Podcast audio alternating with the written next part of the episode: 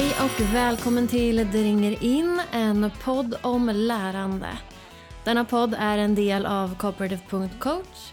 Jag heter Jenny Wilson och idag ska vi fundera på om skolan är tråkig. Nyligen togs beslutet att elevens val ska tas bort ur timplanen. Eh, men mer om det får vi nog prata en annan gång. Men Lotta Edholm, skolministern, sa en sak som fått mig att fundera lite grann. Hon sa i en intervju att skolan finns inte till främst för att vara rolig utan för att man ska lära sig saker. Och det tänkte jag att vi ska prata om nu. För jag har funderat på det här länge och försökt skriva om det eh, men det blir inte riktigt som jag vill så jag tänkte att vi skulle prata om det lite grann nu istället. För vi hör ofta liknande saker. Eh, från politiker, från eh, andra som tycker saker om skolan och ibland också från lärare. Att elever måste lära sig ha tråkigt, att skolan inte ska vara rolig, att elever behöver lära sig kämpa och göra som läraren säger fast de inte tycker att det är så kul. Och helt enkelt att skolan och lärande inte ska vara roligt. Och jag har funderat på det här och funderat lite på vad det visar för kunskapssyn. För det säger ju till eleverna att lära sig är tråkigt. Att lära sig nya saker är tråkigt. Jag blev lärare för att jag tänker att lärande är roligt, spännande, nästan magiskt. Jag älskar att lära mig nya saker och jag älskar att se andra lära sig nya saker. Tänk dig glädjen i ett barns ögon när de får ihop bokstäverna till ett ord för första gången. Blicken när multiplikationen äntligen är logisk. Tillfredsställelsen när några fler pusselbitar faller på plats. Det är väl långt ifrån tråkigt. Det kan vara svårt det kan vara krävande. Det kan vara jobbigt. Att lära sig nya saker kan kräva att vi kämpar, försöker igen och igen. Men det är inte tråkigt. Om vi vuxna tänker och säger och utgår från att skolan och lärande bör vara tråkigt då känner jag att vi har missförstått vad lärande är. Skolan ska ju dessutom verka för en livslång lust att lära. Och om vi vuxna ser på lärande som tråkigt och tycker att elever ska stå ut med tråkig undervisning, då har ju vi misslyckats med det uppdraget. När vuxna pratar om att skolan minsann inte ska vara rolig och man måste kämpa och ha tråkigt också, så tänker jag att det säger mer om vår egen relation till lärande än det gör om eleverna. Och är det verkligen det här vi vill förmedla till nästa generation? Att det är, är tråkigt och ska vara tråkigt att lära sig nya saker. Jag har funderat lite grann på var det här ordet tråkigt kommer ifrån. Tråkigt och roligt står ju inte i läroplanen. Lärare pratar sällan om tråkigt och roligt i förhållande till undervisningen när de planerar. Jag tänker att det här ordet nog kommer från eleverna. Det är ett ord som de ibland, eller kanske ganska ofta, säger när de pratar om undervisningen och skolan. De säger ganska ofta att skolan är tråkig. Eller den här uppgiften är tråkig. Eller mattelektionerna är tråkiga. Men vad menar de när de säger det? För jag tror att de sällan menar det vi vuxna tänker på som tråkigt. Jag tror de menar någonting annat, men ordet tråkigt är det ord de får fram. Ibland tror jag att elever säger att, att det är tråkigt när uppgiften är för svår. När eleven inte förstår vad som förväntas av dem och inte klarar av det på egen hand.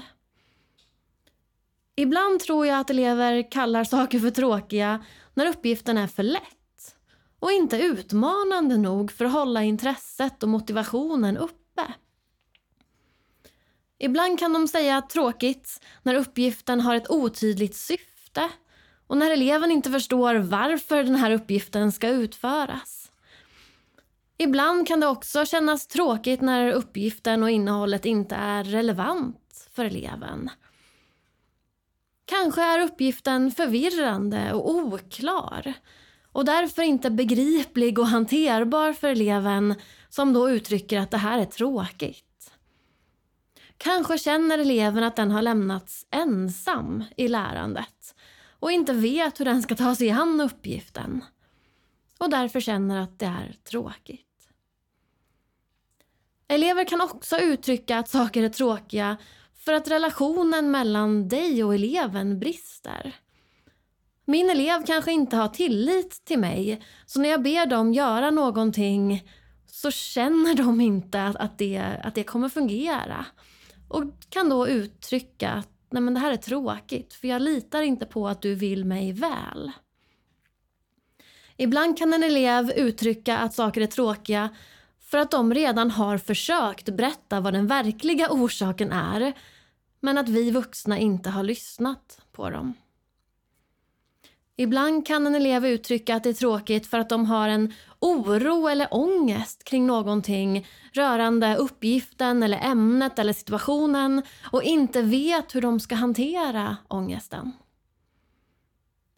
Ibland kan eleven uttrycka att det är tråkigt för att de känner att de har litet eller inget inflytande över sin situation.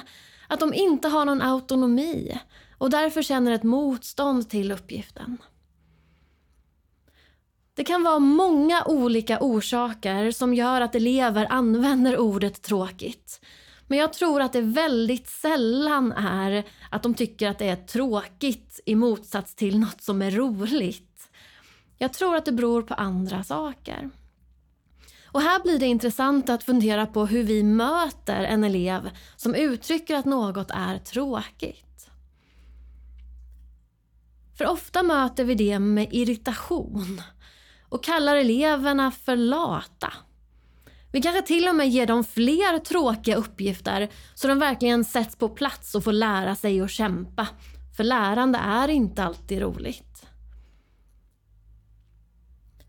Vi kan också försöka förstå var deras känsla av olust bottnar i, var den kommer ifrån och möta dem i den känslan, den verkliga känslan som finns bakom ordet tråkig. Jag tror att vi då kommer längre. För vad menar vi när vi säger rolig, tråkig, lustfylld? Vad är det egentligen vi pratar om? Det är ju meningsfullheten. Att känna mening med tillvaron är så viktigt för oss människor. Att känna att det vi gör spelar roll, är viktigt och leder någonstans. Det här är viktigt för alla människor och det är också viktigt för våra elever. För i skolan så kan mycket kännas meningslöst för dem. De ska träna på att läsa, skriva, de ska göra prov och få betyg. De ska lära sig saker för att det står i läroplanen.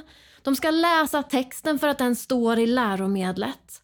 De ska göra uppgiften för att läraren säger det.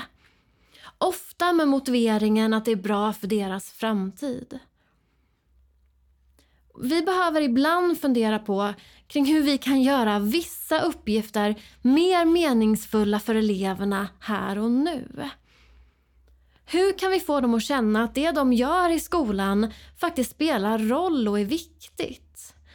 Hur kan vi välja innehåll och material som är relevant och intressant för deras liv både nu och i framtiden? Hur kan vi väcka den där glädjen över att lära sig nya saker? Väcka nyfikenheten inför världen och lusten att fortsätta lära även utanför skoltid. Meningsfullheten är så viktig. Vi människor lär oss bättre när vi har en positiv känsla till det vi lär oss och en positiv känsla till lärande. Vi måste fundera kring meningsfullheten om vi vill skapa det där livslånga lärandet som läroplanen pratar om. Jag tänker att vi nog behöver sluta prata om roligt och tråkigt och börja prata meningsfullhet. För när något känns meningsfullt så orkar vi kämpa trots att det är svårt. När något känns meningsfullt då försöker elever igen och igen, vill stanna kvar efter lektionen, ber om att få fortsätta. Meningsfullheten är en nyckel för motivation, lärglädje, uthållighet och lärande. Meningsfullheten kan göra att skolarbete som tidigare kallats tråkigt helt plötsligt kan bli spännande och motiverande. Allt skolarbete behöver inte vara meningsfullt. Men att öka meningsfullheten kring vissa uppgifter kan göra att eleverna också är mer villiga att göra andra uppgifter. För när en människa känner mer mening så påverkas hela livet. Jag och min kollega Niklas Folin har skrivit om detta i flera av våra böcker Speciellt i boken Meningsfullt lärande, demokrati och samtal i skolan och boken Meningsfull undervisning som är en av böckerna i temat bygga en undervisningsgemenskap i serien Lärarpraxis. Eh, jag länkar till båda de här böckerna i beskrivningen till avsnittet. Vad kan du göra för att öka känslan av meningsfullhet för dina elever? Fundera gärna på det. Tack för att du har lyssnat på Det ringer in, en podd om lärande. Tyckte du att det här avsnittet var intressant och givande? Tipsa gärna dina kollegor. Vill du dela en tanke, en kommentar eller ställa en fråga? Kontakta mig på Instagram det ringer in, Instagram cooperativcoach eller gå in på www.cooperative.coach. Tack till Josef Melin för musiken. Vi ses i nästa avsnitt. Kom ihåg, du gör skillnad.